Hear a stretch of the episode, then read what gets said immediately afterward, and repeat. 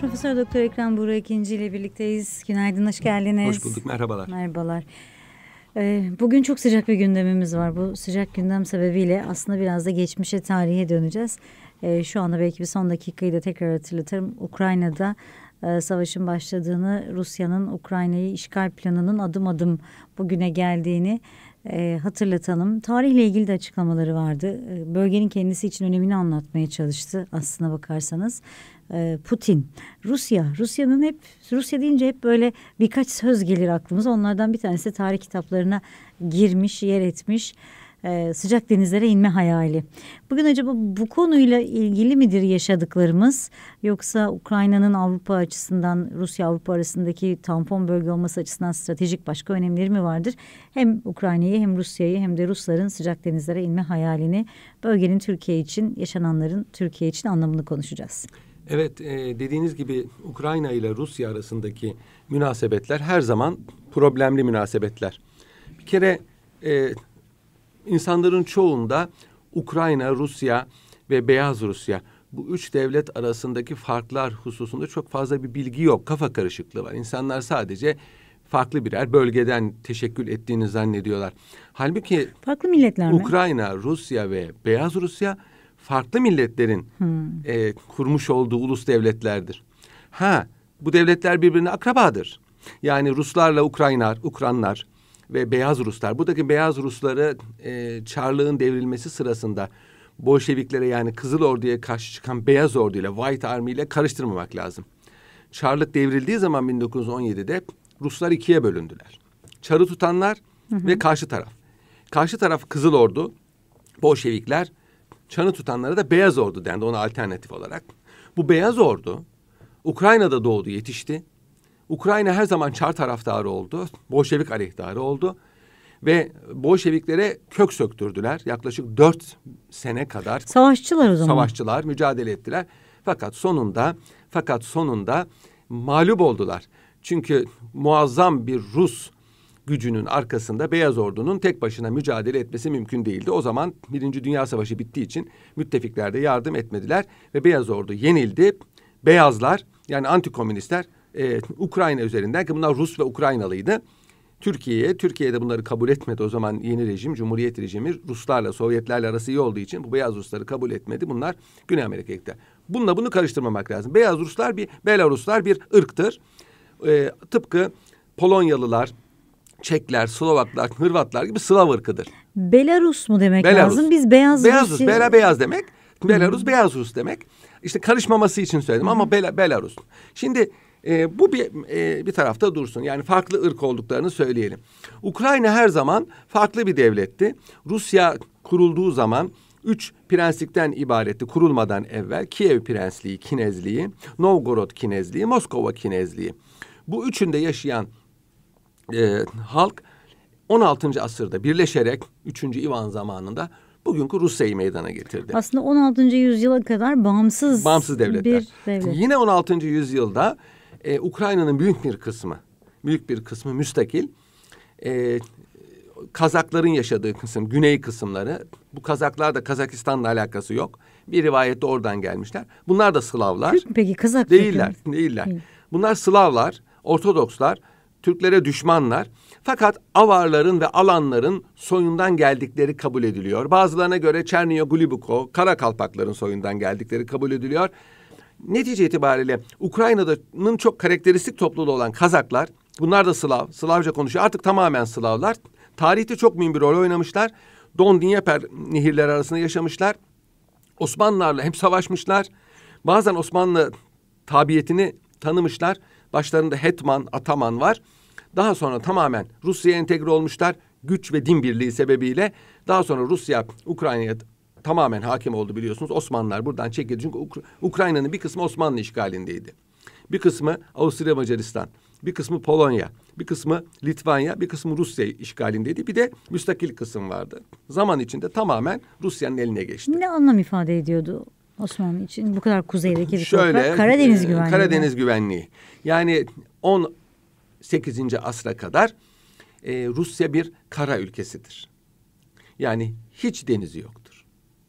Ama e, Rusya'nın e, liderleri, işte üçüncü Ivan Rusya'nın birliğini kurmuş, dördüncü Ivan korkunç Ivan diyebiliriz. Yayılmacı bir politika takip etmiş ve buradaki Tatar hanlıklarını, Kazan, Astırhan e, ha, hanlıklarını, Kasım Hanlığı'nı işgal etmiş, kendi topraklarına katmış. Kırım Osmanlı'yla ittifak yaparak kurtulmuş. Devamlı Akdeniz'e, daha doğrusu Karadeniz'e yani sıcak denizlere inme hayali var. Ama bu hayali esas gerçekleştirmeye çalışan bu bunu tatbik sahasına sokan Büyük Piotr olmuştur. Çar Büyük Piotr. Bizim Deli Petro dediğimiz. Evet delilikleri var ama yani delilikle dahilik arasındaki sınır biliyorsun çok belirsizdir. Ee, Rus tarihinin en büyük hükümdarıdır. Biraz risk almayı sevdiği için deli evet. demiş olduklarını. Hayır delici hareketlerinde de vardı. Sakal kesmeyi, sakalı yasakladı mesela. Biliyorsunuz Ruslar Ortodokslukta sakal mühimdir. Ee, sakalı yasakladı sakal kesmeyenleri eziyet etti, işkenceler etti, öldürttü. Kendi oğlu dahil. Alexey Çarevich Alexey sakalını kesmediği için döve döve oğlunu öldürdü. Ve varissiz kaldı. Tahta kızları geçti. Rus Rus geleneği değişti. Yani kadınların tahta geçemediği bir Rusya'da kimse kalmadığı için. Ama benim sözümü dinlemeyen oğlum benden sonra dedi. çar olmasın evet, diye düşünmüş. E, Hollanda'ya bir işçi kılığında gitti. Hollanda'da e, gemi yapım tekniklerini öğrendi. Çünkü denizlere inecek. Ve sırayla önce Rus İsveç'le savaştı. İsveç'ten Baltık'ta bir yer aldı. Bugün Petersburg diyoruz. Muazzam bir bataklıkta kuruttu. Orada bir şehir kurdu ve oradan Baltık'a inme imkanı buldu. Fakat Baltık çok elverişli değil. Bir kere iç deniz. Hı hı. Yani Baltık'ta donanma kursanız çıkarken şey, Norveç'e, yerden... İsveç'e, Danimarka'ya çarpacaksınız en mühimi. Hı hı. Ee, Norveç'ten bir e, liman kiralamadı bir ara. Pasi şeyi açılan Atlantik'e. Fakat çok uzak. Baltık soğuk bir deniz. Donuyor. Dört, yani yılın dört ayı beş ayı ancak hareket, hareket var. Ondan sonra e, 18. asırda dedi ki benim güneye inmem lazım. Yani benim Baltık, Buzlu buralarda benim işim yok. Güney nedir orası? Karadeniz. Karadeniz'e inmem lazım. Karadeniz'de kim var? Osmanlı Devleti var. Yani Karadeniz'in bütün Balkanları düşünün. Bulgaristan, Romanya, Ukrayna, Kırım ve ve Kafkasya'dan tekrar Kars'a kadar inen hat tamamı Osmanlıların hakimiyetinde. İç deniz gibi. İç deniz. Karadeniz tamamen iç deniz. Akdeniz gibi değil. Tamamen iç deniz. Ve burada bir üst elde edebilmek için Rusya canını dişine taktı ve e, Karlofça anlaşmasında Osmanlı Devleti'nin Viyana bozgunundan sonraki felaketli devrinde bir liman, Azov limanını, Azak diyoruz biz, onu kazandı. Fakat e, Osmanlılar bunu tekrar Prut Savaşı'nda geri aldılar. Hayal suya düştü. Ama hiçbir zaman vazgeçmediler. Büyük Petro'ya izafe edilen ama uydurma bir e, vasiyetname var. Büyük Petro'nun vasiyetnamesi çok meşhurdur. Petro'dan yüz sene sonra Fransa'da yazılmış bir vasiyetname bu. Ama muhteviyatı uydurma değil. Muhteviyatı tamamen Rusya'nın o dönemki politik ve tarihi beklenti. planlarını e, sonraki yılları da göze alırsanız doğru olduğunu anlıyorsunuz. Anlatıyor. Burada e, enteresan bir madde var. Diyor ki dünyada denizleri olmayan bir devletin ayakta durması mümkün değil. İşte İngiltere'yi misal veriyor. Denize kolay ulaşmamız lazım. Hem ticaret için hem emniyet için. Aksi takdirde kapalı bir devletsiniz. Evet oluruz. Ee, bunun da yolu nereden geçiyor? Karadeniz'in bizden olmasında geçiyor. Peki Karadeniz'in bizim olması yeter mi? Hayır yetmez. Çünkü boğazlar Türklerin elinde. İstedikleri zaman açarlar, istedikleri zaman kapatırlar. Karadeniz'in tamamı bizim olsa boğazlar bizim olmadıktan sonra kıymeti yok. Canım boğaz nedir ki geçeriz. E öyle olmuyor tabii o kadar kolay değil. Boğaz istikamları çok güçlüdür. Yani Ruslar hiçbir zaman boğazları zorlamamışlardır. Bu kadar savaş olduğu halde mesela Sultan Abdülhamit devrinde bile Rusya'nın beş tane zırhlısı varken Osmanlı Devleti'nin on beş zırhlısı vardı. Yani hani Sultan Abdülhamit hmm. donanmayı çekti, evet, falan derler ama evet. öyle değil. Buna rağmen yani her şeye rağmen 93 harbinde bile 93 harbinde bile Osmanlı ordusu mahvoldu. Ruslar yine Boğaz'ı zorlayamadılar. Ee, böyle olunca ne yapmak lazım? Politikayı Osmanlı Devleti'ni yıpratmak, parçalamak, çökertmek ve boğazlara konmak üzerine kurdular. Büyük bir sabır. Sabır ister. E, ve, ve çalışmak ister bu.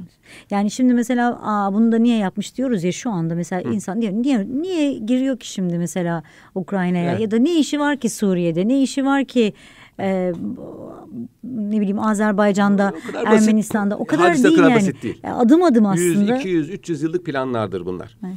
Ee, işte meşhur Çarnikola'nın önümüzde bir hasta adam var bunu nasıl paylaşacağız sözü bunu ifade ediyor. Sonra bu gerçek bir söz değil mi? Gerçek bir evet. söz. Bu, bu çok meşhur bir söz. E, ve ondan sonra zaten Doğu sorunu denilen şark meselesi denilen bir mesele ortaya çıktı. Yani Osmanlı Devleti ne olacak? Yaşayacak mı? Yaşamayacak mı? Yaşayacaksa bu haliyle mi? Farklı mı? Ölecekse mirasını kim, kim paylaşacak? Buna biz şark meselesi diyoruz. Burada İngiltere'nin, Fransa'nın, Rusya'nın ve daha sonra ortaya çık Avusturya Macaristan'ın ve daha sonra ortaya çıkan Almanya'nın ayrı ayrı projeleri olduğu için Osmanlı Devleti bu söz söylendikten sonra bir 70-80 sene daha yaşadı. Yani kendi aralarında fikir birliğine varamadıkları, evet. her evet. birinin planı farklı Ölüm hastalığı uzun sürdü Osmanlı Devleti'nin yani. Evet uzun sürdü. Şimdi e, Çar dördüncü Ivan Grozny diyordu ki benim babaannem son Bizans imparatorunun yeğeni. Binaenaleyh ben Bizans tahtının varisiyim. Hmm. Bayramda Bizans kartalı.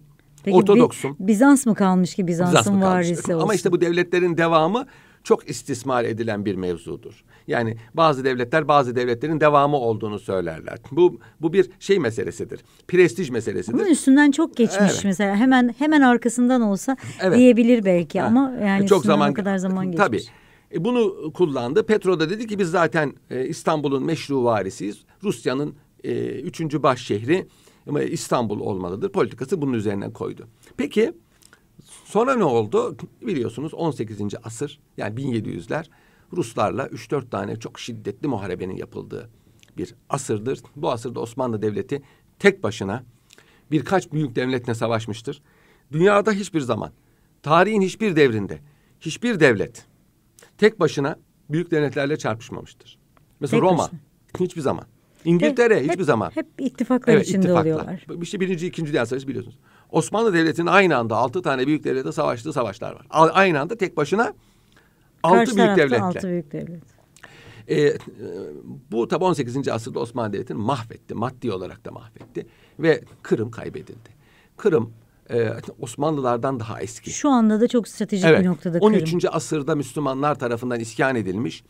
E, halkı Müslüman olmuş, Müslümanların yaşadığı ve o zamandan beri hep müstakil olan Osmanlı'ya bağlı bile olsa e, neredeyse istiklale yakın bir muhtariyet olan bir memleket 1774 senesinde daha evvel işgal edildi ama Osmanlı'nın 1774 varisi, varisi, değil mi? varisi olduğu söylenen bir Hı-hı. hanedan var başında Kırım hanları Hı-hı. işgal edildi. Bu Osmanlı vicdanında, milli vicdanında muazzam bir yara açtı. Yani Kırım hani e, Macaristan'ı kaybettik. E, zaten yüz yıl oldu al, alalı. Zaten Müslüman yaşamıyor. Gitse ne olur, kalsa ne olur? Ama Kırım... Ama Kırım öyle değil. Hmm. Kırım'ın düşmesi yani padişahları öldürdü yani kahrından. Evet. Ve geri de alamadılar. Bütün e, emeller, bundan sonra Ruslarla yapılan savaşlardaki bütün emeller Kırım'ı tekrar almak üzerine kuruluydu. Fakat bu hiçbir zaman mümkün olmadı ve o zamandan bu zamana Kırım dünyada kanayan bir yaradır. Çünkü Ruslar burayı önce otonomi verdiler, sonra ilhak ettiler. Buraya Ruslar yerleştirdiler. Kırım çok zengin e, ziraati olan bir yerde havası çok mutedildi. Hiç Rusya... Hayır bir tane Rus yaşamıyordu. Evet. Bir tane Rus yaşamıyordu. Ve iklim olarak da hani Rusya'ya hiç farklı. Evet, benzemez. Hemen... Ve dünyanın da sözünüzü kesiyorum. Dünyanın da gözdesi olan ve hatta sadece Türklerin, Osmanlıların değil Kırım'ın geri alınması için Avrupa'nın da savaştığı bir Efendim, yer. Efendim 1854'te şarkılara konu olmuş evet, Avrupa'da İngiltere'de. 1854'te Kırım'ı geri almak için Osmanlı savaşırken İtalya, Fransa ve İngiltere Türklerle müttefik oldu. Fakat harp zorlu geçti ve Kırım geri alınamadı. Yani bir netice elde edilemedi. Kırım'a İngilizler gider tatil yaparlardı. O zaman Fransızlar gider tatil yapardı. Çar'ın yazlık sarayı var. Çarskoye Selo. Ee, Kırım çok mutedil iklim olan bir yer. Güneye bakıyor ya Karadeniz'de olmasına rağmen. Fakat liman imkanı az. Ee, Karadeniz'de kurulan limanlar da e, çok elverişli değil Ruslar için. Yani gene kış var. Yine uzun zaman limanlar çalışmıyor ve dediğim gibi boğazlar var. O zaman ne yapması lazım Rusya'nın? Daha güneye açılması lazım. Yani Rusya'nın sıcak denizlere inme planı Karadeniz inme değil. Karadeniz bir basamak. Nitekim 1850 zannediyorum e, şeyi Vladivostok'u e, aldı Japonlardan. Kuzey denizine açıldı ama orası da soğuk memleket. Evet orası da e, sıcak ama Japonya var altında. Bu aşağı e, şey, Ege, Akdeniz evet. hatta Afrika. evet, evet Afrika'ya. Onun için. Onun emeli şuydu. Bir şekilde Afrika'ya ve Yemen, e, Habeşistan ve Kuzey Afrika gibi yerlerde üst kurması lazımdı. Şimdi üst kurmaktan bahsediyoruz. Üst Kendi toprağına Yok yok yok. Kendi toprağı değil. Ama tabii üst kurmak nasıl olur? Bazen fethetmekle olur. Bazen orada kukla devletler kurarak Yaptı olur. bunları. Yaptı. Veya veya oralarda bir e, kendine bir üst tayin etmekle olur. Şu anda da yapıyor aynısını. Bunu bunu Rusya e, bir türlü gerçekleştiremedi. Yani Birinci Dünya Savaşı'ndan çekildi. İkinci Dünya Savaşı'nda öncelikleri Avrupa'da bir emniyet e, şeyi kurmaktı. Kurdu. Biliyorsun Doğu blokunu kurdu. Kurduktan sonra Rusya'nın hedefi ne oldu Stalin'den sonra ve Stalin'den itibaren güneye inmek. Başardı mı? Evet. E, Churchill ve Roosevelt ah- ahmaklarından yardım yardımıyla, el birliğiyle Rusya Orta Doğu'ya Neden böyle söylediniz? Ne, nasıl Dünyanın en ahmak liderleri Churchill ve Roosevelt'tir. Bunu ben söylemiyorum. O zamanki şeyler söylüyor. Devlet adamları. Bu ifadelerle mi Evet bu söylüyorlar? ifadelerle söylüyorlar evet. Tarihin en ahmak Ha ne cihetle tabii söylediğim mühim. Ee, Sebebi şu. Şimdi Nazi tehlikesi bir tehlikeydi evet. Nazi tehlikesini bertaraf etmek için Rusya'ya o kadar çok taviz verdiler ki ve hastalık derecesinde yani hatta derler ki Roosevelt'in annesi Yahudiydi. Bundan dolayı Hitler'e karşı patolojik bir nefret duyuyordu. Normal olabilir. Bu nefret onu Stalin'e yaklaştırdı ve Stalin'in Avrupa'nın hiçbir zaman Rusya'nın tesirine girmemesi gereken, tarihte hiçbir zaman Rus tesiri olmamış yerlerine Macaristan, Çek, Çekya, Almanya gibi yerlere çöreklenmesine sebep oldu. Neymiş? Savaşı kazanmış. E, savaşı kazanan İngiltere'de var, Fransa'da var. Ama eğer bir soykırımsa ya da masum insanları öldürmekse Rusya'daki liderlerin de ondan aşağı kalır Yo, zaten yoktu. ama o, o işte o ahmaklık olarak görülmüyor. O kendilerince avantaj. E peki bu Stalin dediğiniz kim? Yani Hitler, Hitler bir psikopat. Peki Stalin kim? Şimdi Ukrayna'ya gelelim. Stalin Ukrayna'yı aç bırakarak 1932'den itibaren yani önce biliyorsunuz e, Ukrayna dire- direndi Bolşeviklere. Daha önce söyledim. Ve hiçbir zaman komünist idare burada tam manasıyla kurulamadı. Çünkü ayrı bir kültür ve milliyetçiliği var. Ayrı edebiyatı var. Yani Ukrayna Hayır bir yaşam biçimi var. Evet. Gerçekten Rus gibi değiller. Değiller. Yani tanıdığımız insanlar da var. tipleri farklıdır. E, lisanları farklıdır. Ve çok eskiden beri, çok eskiden beri bir Ukrayna milli kültürü teşekkül etmiştir. Rusların hakimiyetine girmek, hele komünizmin hakimiyetine girmek bunlar için kabul edilemez bir şeydi. Ve ayaklandılar. Bolşevikler ayaklandılar. Stalin çok ağır bir şekilde bu isyanı bastırdı. Arkasından bütün çiftlikleri, mülkiyet hakkı çok güçlüydü Ukrayna'da. Ee, dev- önce kolektifleştirdi, sonra devletleştirdi. Eski beyler burada işçi olarak çalışmaya başladı. Daha sonra bunları devlet düşmanı olarak gördü ve hepsini öldürdü. Çok acı hikayeler var Kafa tabii. tutanları Sibirya'ya sürdü ve e, Ukrayna'nın bütün buğdayını, ha o sırada da kıtlık oldu. Dedi ki siz saklıyorsunuz buğdayı dedi. Ukrayna'nın elinde ne kadar buğday varsa hepsini aldı. Ne olur Kendine yapması? yetecek olanı da Evet, aldı. aldı. Ertesi sene büyük bir kıtlık oldu. Ukraynalılar açlıktan ölmeye başladı. Hayvanları kesti yediler. Açlıktan öldüler. Ee, yollar e, insan ölüleriyle doldu. Ölüleri kaldıracak insan kalmadı. Yaklaşık 15 ile 20 milyon arası Ukraynalının açlıktan öldüğü tahmin ediliyor. Ve bunun hakkında konuşulmasını yasakladı. Bundan bahsedenleri Alman ajan olmakla suçladı. idam ettirdi, sürgüne yolladı. Avrupa bununla alakalı hiçbir şey yapmadı, yapamadı. Çünkü arkasından savaş var. Savaşta Rusya ile Müttefik olacak. müttefik olacaklar. Görmezden geldi. Şimdi olduğu gibi Ukraynalılar e, 1930'lu yıllarda tarihin en büyük soykırımlarından birine e, maruz kaldılar. Nazi soykırımı bunun yanında hikaye kalır. Kendi halkına, kendi halkına bunu tatbik etti. Holodomor derler buna. Açlıktan öldürme. Ukraynalıları Holodomor'la hizaya getirdi Stalin. 1932'den. Ondan sonra bitmedi. Savaş başlayınca Almanlar burayı işgal ettiler. Bu sefer Ukraynalılar ister istemez Almanlarla müttefik oldular. İşbirliği. İşbirliği yaptı. Bu sefer rejim düşmanı diye bunları öldürdü, kamplara yolladı. Milyonlarca Ukraynalı'yı da böyle öldürdü. Yani aslında e, sözünüzü kesin Tamam. Almanlarla işbirliği yapmayanları Hitler öldürdü. Evet. Hitler Aynen gittikten öyle. sonra onlarla işbirliği Yapan yapmak dedi, zorunda kalanları Bolşevikler öldürdüler. Ruslar öldürdü. Bu değil. Harpten önce e, Alman sınırında yaşayan Ukraynalıları, Polonyalıları, Litvanyalıları, daha sonra Tatarları, Çerkezleri, Kürtleri, Hemşinlileri, e, Volga Almanlarını böyle 10-12 tane ırkı daha önce anlatmıştım. Vagonları doldurup Sibirya'ya sürdü. Bunların e, dörtte biri ortalama diyorum. Bazı daha az, bazı daha fazla hayatta kalabildi. Ve 1950'den sonra memleketlerine dönebildiler. Bu tarihin en acı hadiselerinden birisidir. Fakat nedense ne Garp dünyasında ne bizde bunlar bilinir ve konuşulur. Bu da çok enteresan. Zaman zaman böyle anma günlerinde işte o trenler, o geri Lokal. dönenler, hikayeler. Lokal. Evet, Halka mal olmuş bir e, bilgi değildir bu. Bu, bu anlattıklarımız çok meşhur olmasına rağmen, komplo olmamasına rağmen maalesef batıda da bizde de çünkü koyu Sovyet e, sansürü sebebiyle bunlar tabii çok sonra duyuldu. Çok sonra duyuldu. Ve aman Rusya'yı kızdırmayalım, aman soğuk savaş var, olmuş bitmiş iş diyerek bunu kullanmadılar. E, tek tük antikomünist propagandalarda bunlar dile getirilirdi. Rusya'da derdi ki bunlar hep uydurma. Bak antikomünist propaganda bunlar.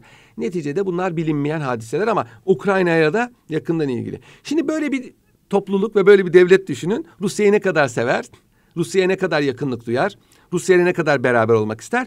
Burası fihi nazardır. Şimdi Rusya'nın 1945'ten sonraki sıcak denizlere inme projesi ile Ukrayna projesi aslında birbirine paralel yürüyen bir hadisedir.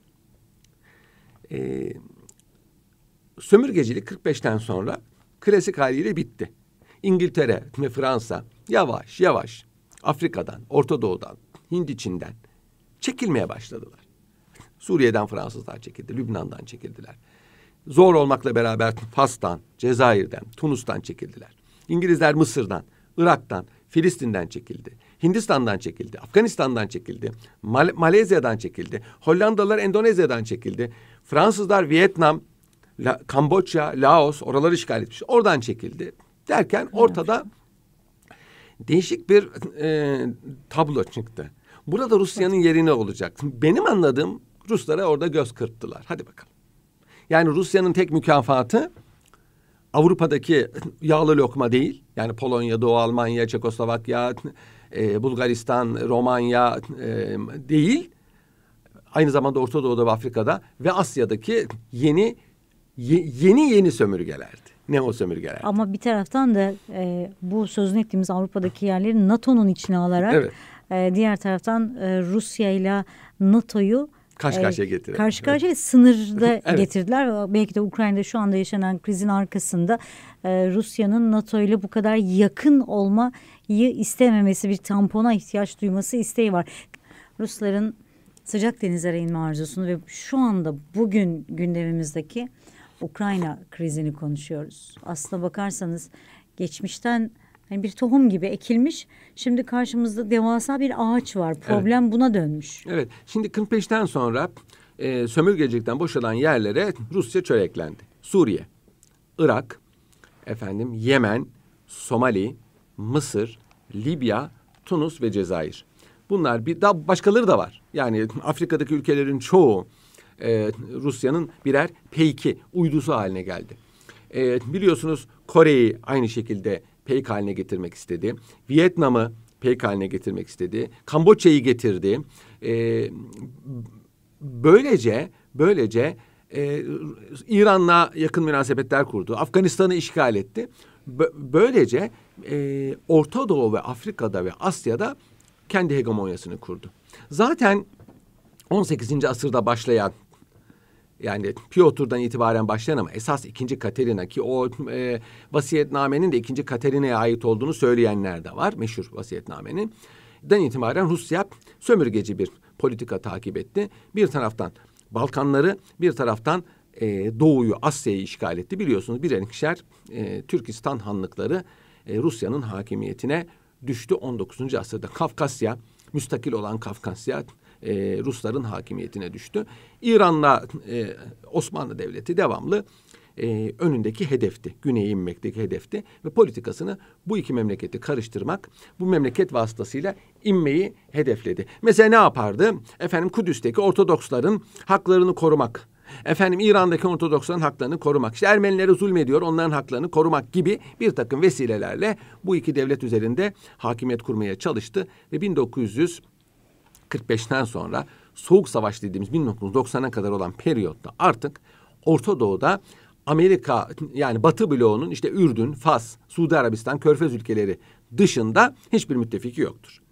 Yani Afrika ülkelerinin tamamına yakını, kuzeyi kastediyorum yani bizimle internette olanı kastediyorum. Arap ülkelerinin tamamına yakını, İsrail tabii ki hariç, e, tamamen Rus peyki, Rus uydusudur. Millet bunu bilmez ama böyledir. Şu Bizim anda. çocukluğumuzda öyleydi. Hayır 1990'a kadar. Peki. 1990'da biliyorsunuz Sovyetler Birliği dağıldı. Ekonomik ve sosyal sebeplerle Sovyetler Birliği dağıldı. Sovyetler Birliği nedir? Sovyetler Birliği 1917 ihtilalinden sonra Lenin e, iş- istila e, yoluyla Rusya'ya bağlanmış olan devletlerin nedir onlar? İşte Ukrayna, Beyaz Rusya, nedir onlar? Gürcistan, Ermenistan, Azerbaycan, Kazakistan, Özbekistan, Tacikistan, Kırgızistan bunların hepsine e, muhta e, istiklal ama Sovyetler Birliği içinde.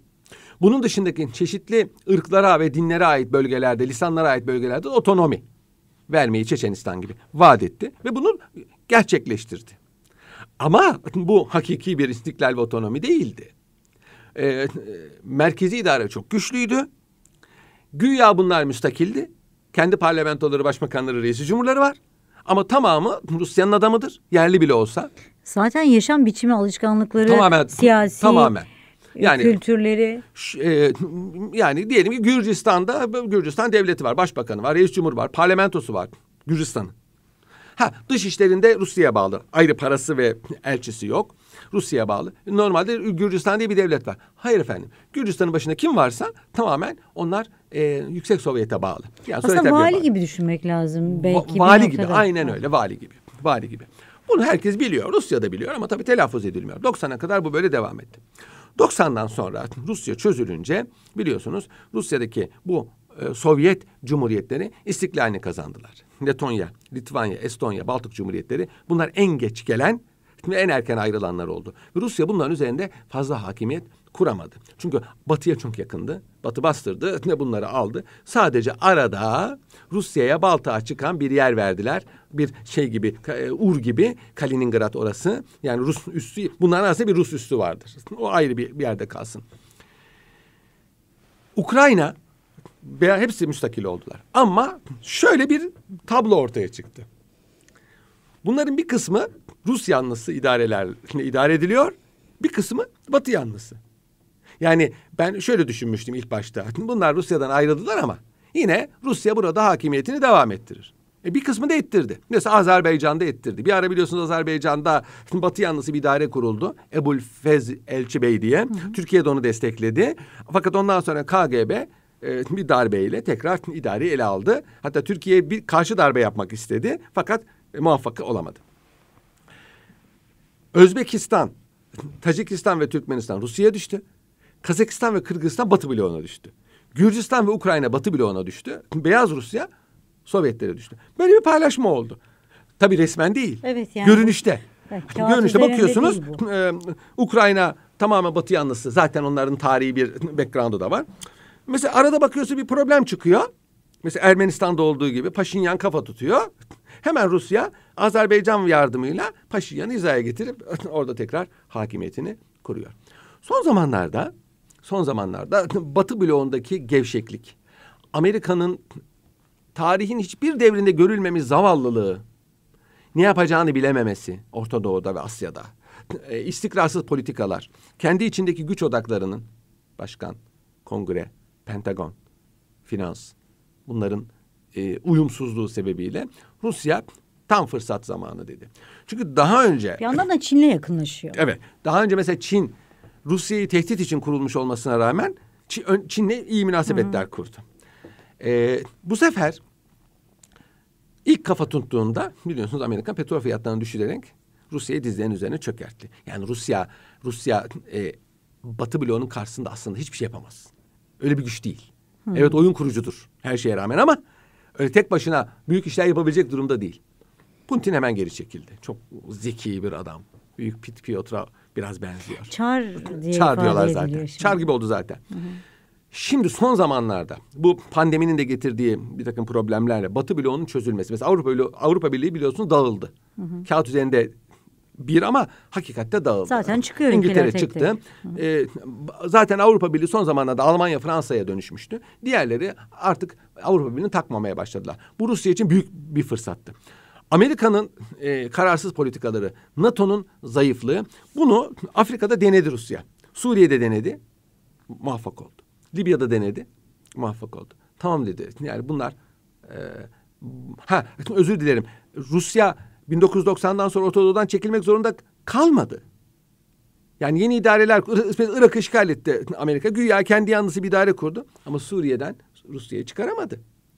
Afrika'dan tamam çıkardı. Ama sonra o kadar kararsız politikalar takip etti ki Afrika devletleri ayakta kalabilmek için kendileri, Rusya'ya yanaşmak mecburiyetinde kaldı. Hatta Amerika'nın jandarması olarak görülen İsrail bile Rusya'ya yanaşmak mecburiyetine kaldı. Domuzdan post, Urus'tan dost olmaz diyen Türkler bile Rusya'ya yanaşmak mecburiyetine kaldı. Milletler arası e, münasebetlerin çizelgesine baktığınız zaman mesela Türkiye'nin, İsrail'in, Mısır'ın Amerika ile münasebet derecesi Rusya ile münasebetleri son birkaç yılda 3-4 kat Rusya ile fazla. Yani sanki bu devletler Rusya'ya itilmiş. Rusya'nın şeyine... Ama bunda hakikaten Amerika'nın kararsız politikasının çok, çok etkisi var. Birinci sebep Amerika o. Orta Doğu'yu bataklığa çevirdi. Çevirdi. Birinci sebep budur. Yani bu şu anda dünyada yaşanan bütün askeri ve siyasi krizlerin arkasında ki ben e, militan bir Amerikan aleyhtarı olmadığım halde söylüyorum. Amerika var maalesef. Amerika'nın kararsız politikaları var. Ve bunun yanında Avrupa Birliği'nin böyle çözülmesi Rusya'ya beklediği fırsatı verdi. Ve Putin, Putin tarihi haklarını ileri sürerek önce Kırım'ı ilhak etti. Tarihi haklar kısmına bir parantez açalım. Çünkü o açıklama tarihçiler tarafından çok konuşuldu. Evet. Şimdi e, Kırım 2014 mü? 14'te zannediyorum. E, Ruslar tarafından ilhak edildi. Rusya dedi ki burası daha önce bizimdi. Doğru. Kuruşev tarafından Ukraynalılara verildi. Doğru. Çünkü Kuruşev Ukraynalıydı. Bir de harp sebebiyle Ukrayna'ya o kadar çok kötülük yaptılar ki Kırım sayesinde Ukrayna ekonomisinin düzelmesini dolayısıyla kendilerine de faydası olmasını düşündüler. Ama artık zaman değişti. Ukrayna niçin şey Kırım niçin e, Ukrayna'nın olsun diyor Putin. Haklı. Bir de şöyle bir durum var. E, Kırım Ukrayna'dayken burada bir Rusya'nın donanması vardı. Yani Khrushchev zamanında Kırım'ın Ukrayna'da olmasının Rusya'ya bir zararı yoktu. Fakat ayrılınca 90'da buradaki donanmayı paylaştılar Ukrayna ile Rusya. Yani Sovyet donanmasını. Fakat Rusya'nın burada dişi limanı kalmadı, üssü kalmadı. Bunun üzerine Rusya dedi ki Sivastopol'dan bana bir üs kirala. Peki dedi, kiraladı. Fakat daha sonra bunu iptal etti. Hmm. Ukrayna. Yani Ukrayna kaşındı. Yani oradaki, oradaki yaşam alanını aslında evet, daraltmış. Ukrayna kaşındı. Haklıdır, haksızdır o ayrı bir tarafta. Ama Ukrayna... Ama Ukrayna bağımsız bir devlet olarak evet. kendini öyle görüp... Ama tahrik ediyorsunuz. Karşında Rusya var. Öyle bağımsızım demeyle olmuyor. Karşındaki Rusya. İşte bu hep güçle alakalı. Güçle alakalı. Ekonomik güçle Gücün alakalı. yoksa... Ve, ha gücünü şöyle düşündü. Ee, arkamda Avrupa var dedi. Ta tarihi bilmediği için böyle düşündü. Sonra Rusya ne yaptı? Bir, e, e, buraya kendi yanlısı bir idare kurdu. Sonra ihtilal çıktı. Bu idare devrildi. Rus yanlısı Yanukoviç biliyorsunuz devrildi. Devrilince Ukrayna Rusya için bir tehdit olmaya başladı. Ciddi bir tehdit olmaya başladı.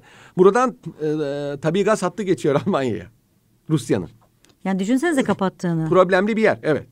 E, bu tabii Avrupa'yı da telaşlandırdı. Yani Ukrayna'nın ne olduğu mühim değil Avrupalılar için. Boru hattı Hı-hı. problem. Onun için gittiler geldiler gittiler geldiler. Biz Fransa bir yandan Almanya bir yerden gittiler geldi. Bu iş düzelsin diye. Şimdi e, bir en mühimi de en mühimi de yine tabii Amerika'nın şeysi e, ihtiyatsızlığı. Ukrayna'yı NATO'ya alacağız. Hmm. Ne demek Ukrayna NATO'ya almak?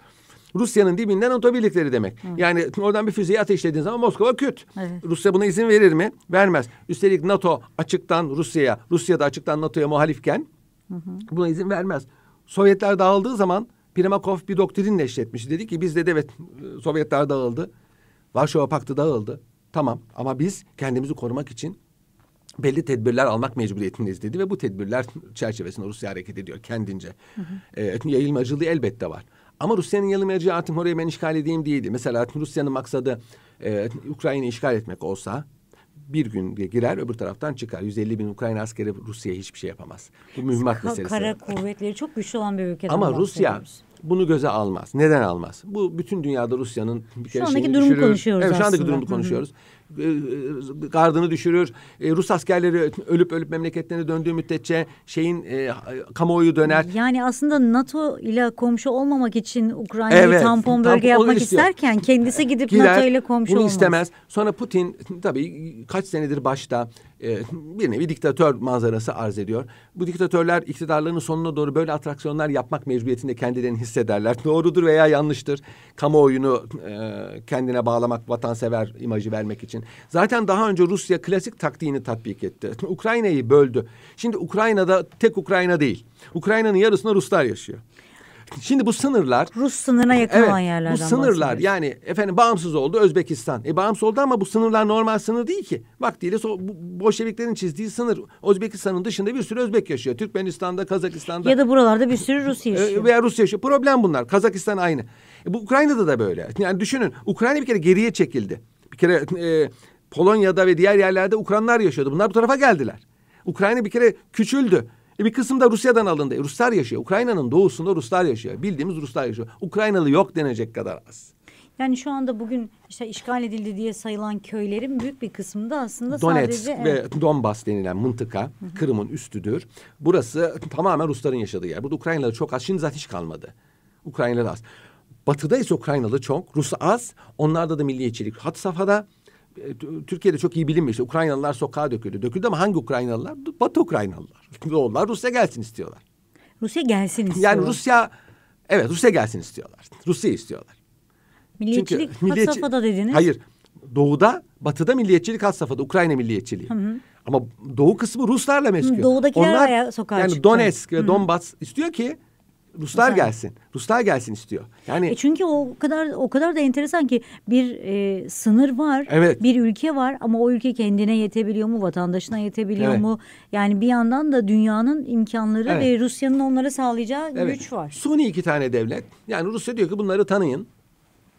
Bu şu demektir.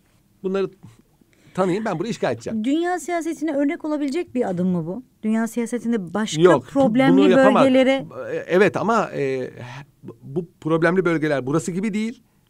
E, onların arkasındaki aktörler de Rusya ile Ukrayna değil. Yani yapabilenler yapıyor. E, Kosova'yı nasıl ayırdı mesela Amerika Sırbistan'dan? Gücü vardı, ayırdı. Tek başına Kosovalar ayrılabilir miydi? Ayrılamazdı. Sırbistan Rusya'yı arkasına alırdı. Ya ayrıldı da ne oldu? Ayrıldı da ne oldu? O da ayrı bir mesele. Yani şimdi biliyorsunuz toprak almak, toprak fethetmek yasak. 45'ten sonra Birleşmiş Milletler Anlaşması'na göre hiçbir devlet toprak ilhak edemez. Bugün Birleşmiş Milletler Genel Sekreteri ağlayarak bir açıklama yaptı. Ee, dünya Bunlar barışı ayrı şovmen. için Ayrı şovmenler. e, şu anda görev süremin en zor gününü yaşıyorum. yaşıyorsunuz. Beceriksizliğinin de evet ne yapabilir ayrı mesele. Şimdi Donetsk ve Donbas artık sözü geçen, geçen bir bir yer değil. değil yani. Donetsk ve Donbas e, müstakil olur. Yarın bir gün bir e, şey yaparlar. Referandum yapar. Rusya'ya bağlanırlar. Ama bunun maliyeti Rusya'ya fazla olur. Rusya benim anladığım Rusya bir pazarlık istiyor. Ölümü gösterip sıtmaya razı etmek istiyor. Kendisi de Ukrayna'ya girmek yanlısı değil veya işgal yanlısı değil. Ufak tefek çatışmalar oluyor gözdağı için. Girse burada durması mümkün değil. Yani bir problem var. Gözdağı veriyor. Hatta bana sorarsanız bunun e, altyapısı da yapıldı. E, Amerika ile olsun ve Avrupa ile olsun belki bazı gizli anlaşmalar da yapmış olabilir. Çünkü Amerika hiçbir reaksiyon göstermiyor. şu anda Ukrayna'ya iniyorlar. Evet. Paraşüt, paraşüt birliği Evet iniyor. Ukrayna'ya iniyor. Yani kuzeyden Belarus'tan inmesi mümkün, Kırım'dan girmesi mümkün. Yani Ukrayna'nın Ukrayna'nın mukaveme et- etmesi zaten mümkün değil. Şimdi e, Amerika yaptırım yaparız dedi. Ne yaptırım yapacak? Banka hesaplarını aktartmam. E, Rusya onun alternatifini kurdu. Yani Amerika'nın şu anda yapabileceği hiçbir yaptırım yok Rusya'ya. Zaten şimdi mesela uzun zamandır bu dijital paralar vesaireler e, gündemdeydi. Bu dijital paralarla beraber bunun en çok kullanıldığı yer Rus, Rus- evet. cumhuriyetleri. Yani Rusya'dan ayrılmış cumhuriyetler. Buradaki darbelerin de büyük anlamda sebebi tabii. bu dijital paralardı. E, Çin dijital paralar metaverse için ciddi yatırımlar yapıyor. Yani aslında e, bizim şu anda kullandığımız paraya da pek ihtiyacımız kalmayacak. Yok artık onun için Amerika'nın o klasik e, müeyyide yaparım e, şeysi bir şey ifade etmiyor. Yani şu anda manzara çok enteresan. Rus paraşütçüler Ukrayna'ya iniyor. İkinci Dünya Savaşı Bir manzaraları. Ama bunlar var. bunlar tabii e, bi- bilemiyoruz e, hadisenin boyutunu. E, kamuoyunu yönlendirmek için bakın görüyor musunuz? doğusunda da olabilir. Yerini E, göremiyoruz Doğu, doğu tabii kısımlarında. şu anda. Evet. Çünkü bir de şu var. Doğuda bir anlaşma yapıldı. 2014'te bu Donetsk ve Donbas kısmındaki Ruslarla Ukraynalılar arasında çatışmalar çıktı. Yani iç savaş çıktı. Bunun üzerine Minsk'te bir anlaşma yapıldı. Mütareke. Şimdi Ukrayna buna sadık kalmıyor. Yani Ukrayna'da haklı bura benim toprağım diyor. Bunlar isyancı diyor. Rusya da Rusya da bunu bahane Rusya da bunu bahane yapıyor. Tabii filler tepişiyor. Ee, karıncalar eziliyor hesabı. Burada olan halka oluyor. Evet, yani halk maalesef. oluyor. Bu e, Rusya biz böyle blöf yapmıyoruz dedi. Yani Avrupa Birliği bunun blöf olduğunu düşünüyordu. Rusya blöf yapıyor. Bir şey yapamaz. Açıkçası ben de bir şey olacağını zannetmemiştim. Fakat Yakın- yani fakat bu sabaha fakat kadar. e, bir kısmı blöf, bir kısmı gerçek. Yani ha bunu görünce şimdi acaba Avrupa Birliği aman aman dur tamam e, halledelim, çözelim. Ne istiyorsun, ne yapalım? Bir orta yol bulalım diyecek büyük ihtimalle. O, yani çünkü onların büyük ilk adımı kim atacak? büyük ekonomik e, menfaatleri var. Bu böyle. Ha, hadisenin bir de Türkiye ile alakalı kısmı var. Yani bu çok Türkiye'yi doğrudan tesir edecek bir hadise değil. Yani Rusya ile Ukrayna ikisi de Türkiye'nin görünüşte müttefikleridir. Türkiye'de zaten buna benzer bir beyanatta bulundu. Yalnız boğazlarla alakalı bir problem var. Ne kadar boğazlara ihtiyaç olur bilemem. Ama Montreux Anlaşması'na göre 1936 savaş çıktığı zaman Türkiye bu savaşın tarafı değilse boğazları kapatabilir. Yani şu anda e, boğazlar kapatılır. Yani savaş çıkarsa şu anda kapa- aslında kapatılması lazımdır boğazın. Şu anda Boğazların Montre savaş gemilerine. kullanılarak savaş Savaş kul- gemileri- ama zaten geçti savaş gemileri. Geçenler geçti. Geçenler geçti. Evet. Kapatılabilir. Zaten Ukrayna bunu Belki söyledi Kanal ama işten geçti. İstanbul'da bu anlamda tekrar mı e, tartışmak lazım? Yani işte Montreux savaş olursa ne olur? Ama işte kanal olunca öbür tarafta da bir kanal olması lazım. Çünkü boğazlar her iki boğazı da ihtiva ediyor. Çanakkale ve e, İstanbul. Yani Kanal İstanbul çok fazla Montreux'u e, Bypass bertaraf edemez, bypass edemez. Bir kanalda şeye Çanakkale'yi açmak lazım. İkinci bir kanal. O zaman onlar Montreux'e Montreux'e girmez. Yani e, Türkiye ile alakalı böyle bir problem var. Ha e, böyle bir hadise, böyle bir hadise bütün dünyada dengeleri değiştirir mi zannetmiyorum. Herkesin yaptığı yanına kar kalıyor. Eğer bir anlaşma varsa, kirli bir anlaşma Avrupa Birliği ve Amerika ile Rusya arasında zaten yapacak bir şey yok. Ama bunun işte kısmi cüzi ekonomik tesirleri olur. İşte petrol fiyatlarına, Dolar. dolara gibi. Ondan tabii bütün dünya müteessir olacaktır. Çok teşekkür Ben ederim. bugün teşekkür ederim. Tekrar görüşmek üzere.